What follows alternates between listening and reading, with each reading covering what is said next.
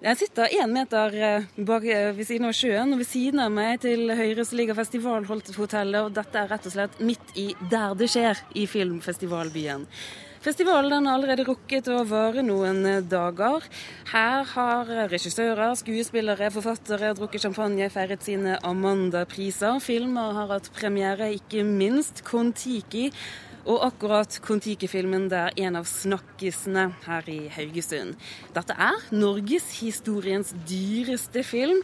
Og ja, det er eh, mye ros, men eh, nå kommer også kritikken.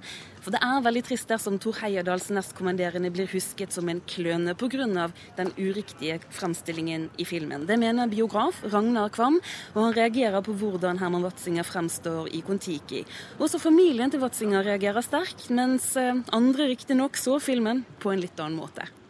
Jeg syns den er helt enestående. Og jeg, jeg sa liksom etterpå jeg tror ikke jeg har sett en bedre film. Og kanskje jeg har sett andre filmer som har virkelig beveget meg. Så jeg synes bare den var eh, fullkommen gjort. Liv Ullmann hentet fram de aller største ordene etter lørdagens festpremiere på Kon-Tiki under filmfestivalen i Haugesund. Men ikke alle er like begeistret. Åpenbart så har de som har laget eh, filmen om Kon-Tiki, de har eh, tillagt et av mannskapene egenskaper som man jo i virkeligheten ikke har. Tor Heierdal-biograf Ragnar Kvam jr. understreker at han ennå ikke har sett filmen, men reagerer når han blir fortalt hvordan Anders Baasmo Christiansen framstiller Heierdals nestkommanderende, Herman Watzinger. Vi skulle ha brukt litt vaier, vet du. Disse tauene holdt for 1500 år siden, og de kommer til å holde nå. I filmen er Watzinger nervøs for at flåta skal gå i stykker. Han framstår riktignok som intelligent, men mest som klumsete og redd. Herman Watzinger var jo Tor Heyerdahls høyre hånd, en sterk person. Og her fremstilles han, så vidt jeg hører, mer eller mindre som en kløne. Og jeg kan godt forstå at det finnes medlemmer av Watzingers familie som, som reagerer på akkurat det. Det er i dagens Aftenposten Watzingers datter sier det er rystende å høre hvordan hennes far fremstilles. Kvam mener det er svært uheldig dersom dette er inntrykket folk nå blir sittende igjen med av Heierdals nestkommanderende. Ja, Hvis det skjer, så er det jo veldig trist, fordi eh, han var jo det motsatte av en kløne. Han var jo helt instrumentell i eh, å få denne flåten. Det var han som bygget flåten, var ansvarlig for å bygge flåten. Og han var, eh, Mellom ham og Thor så var det et veldig godt og kompakt forhold, både under ferden og ikke minst i alle år etter at ferden var, var avsluttet. Det er helt klart at vi har forandret Watzinger. Eh, men det er ikke noen sånn snikforandring. Watzinger så ut som Gregory Peck.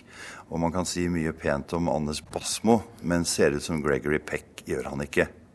Han er en annen type enn Watzinger fordi vi av dramaturgiske grunner trengte motstand mot Thor. Det sier Kon-Tikis manusforfatter Petter Skavlan. Den egentlige historien er at det er seks karer som er enige i alt. Setter seg på en flåte og driver over uh, Stillehavet. Møter litt storm og hai på, vei, på veien, men er vel forlikte. Men for å ha noen i filmen som kan stille de spørsmålene publikum gjør. Er han gæren? Hvorfor skal vi gjøre dette? Hvordan kan du få med oss ut på denne ferden?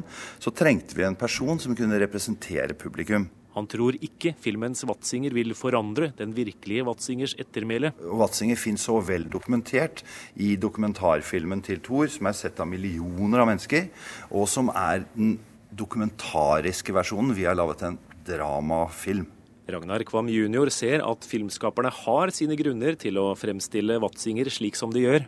Men jeg syns at å, å, å, snu på den, den staute Watzinger til å bli en litt sånn, litt sånn ikke så flink kar om bord, som, som, samtidig skulle liksom stå i motsetning til Thor Heyerdahl, det er jo så langt fra virkeligheten som det går an.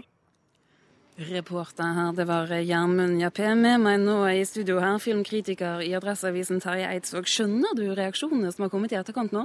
Fra familien og biografen så skjønner jeg dem veldig godt. Eh, det vil jo være, Jeg skjønner dem at det er synd hvis Watzinger blir huska som en eh, kjøleskapsselger med litt klossete med vaier. Eh, og Fra deres synspunkt så er det lett å skjønne det. Men det her er jo også en interessant og hva skal jeg si, nyttig diskusjon om forholdet mellom fiksjon og virkelighet, og at selv filmer som pretenderer å være bygga på virkeligheten, eh, ofte og alltid er full av fiksjon. Ja, for dette, altså, dette, er jo egentlig en klassisk diskusjon. Det er en sann historie, og så har man tatt seg noen friheter. Altså, Hvor store friheter kan man ta seg? Jo bedre filmen er, jo mer slipper man unna med, er på en måte min erfaring.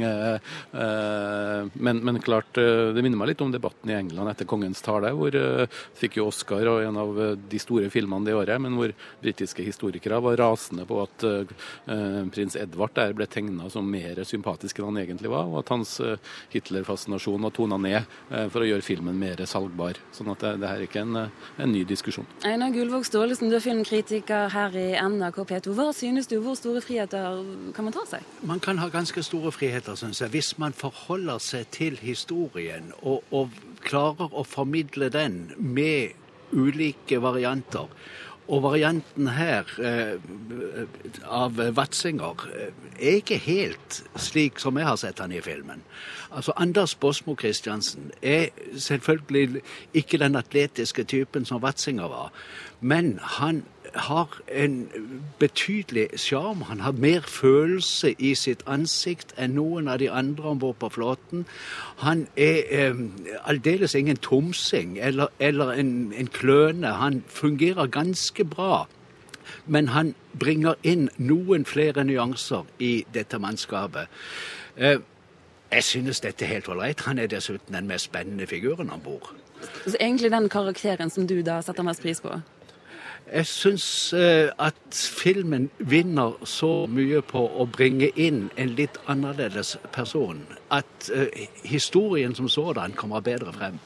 Problemet Jeg er ikke uenig i det ene sier der, men det som er litt problem, er at filmen ellers på en måte er solgt inn som uh, med hovedrolleinnehaver som skal ligne mest mulig på Heierdal, Tor Heyerdahl jr., som på en måte har gått god for faren og mora, og det at man også i sterk, så sterk grad bruker navnene på de andre, og at filmen på en måte uh, har laga en slags kontrakt med publikum om at dette er virkelighet. Og den kunne kanskje vært enda tydeligere på, på uh, også hvordan man navngir de andre typene. Så det er noe med den kontrakten som sprekker litt. Det virker litt klønete gjort, syns jeg. men men eh, absolutt, eh, Basmo Christensen eh, tilfører filmen noe i den rollen han har der. Men Er ikke det et poeng, Einar? Altså, akkurat dette med at eh, tross alt så har man altså, Alle de andre ligner så mye på originalpersonen at hvorfor valger man seg én? Nei, men Det er klart at eh, familien vil naturligvis gjerne se eh, sin far eller bestefar slik som han var, og, og, mest mulig sympatisk og mest mulig smart, og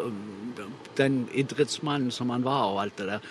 Men det er ikke sikkert at det gir oss så veldig mye mer. Jeg syns eh, snarere at hvis man portretterer for sterkt, og hvis man er for avhengig av å ligne noen, så hemmer det uh, utfoldelsen til skuespillerne. Det hemmer uh, i dette tilfellet, syns jeg, Eh, selve Heierdal-skikkelsen.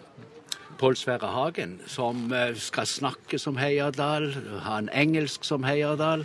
Jeg eh, er ikke sikker på at han kan være helt seg selv, altså. Men, det gode med den diskusjonen er jeg veldig glad for at den har kommet opp, og at familien har reagert. For det, det gir en sunn diskusjon om forholdet mellom fiksjon og virkelighet, og at uh, film alltid er mindre virkelig enn man enn publikum ofte tror. Uh, og det er jo andre måter å gjøre det på. Det Hva kunne man gjort? Ja, Du har en film, 'Last King of Scotland', uh, som handler blant annet om Idi Amin og, og skildrer mye virkelige ting. Men der er hovedpersonene fiktive karakterer som, som, ikke fantes. Og det går an å blande virkelighet og fiksjon, uh, og, og, skape noen av de uh, karakterene og de typene som man trenger eller vil ha for å belyse historien. Er du enig i det, Einar? Da vi rett og slett kunne fått et annet navn, eh, Anders Båsmo Christiansen? Nei, en fiktiv person? Det syns jeg ikke. Altså, det, da, hvis jeg da hadde vært i, i, den familien, så hadde jeg vært fornærmet. Unders, underslå at mannen var med på denne ferden, det kunne man ikke gjort.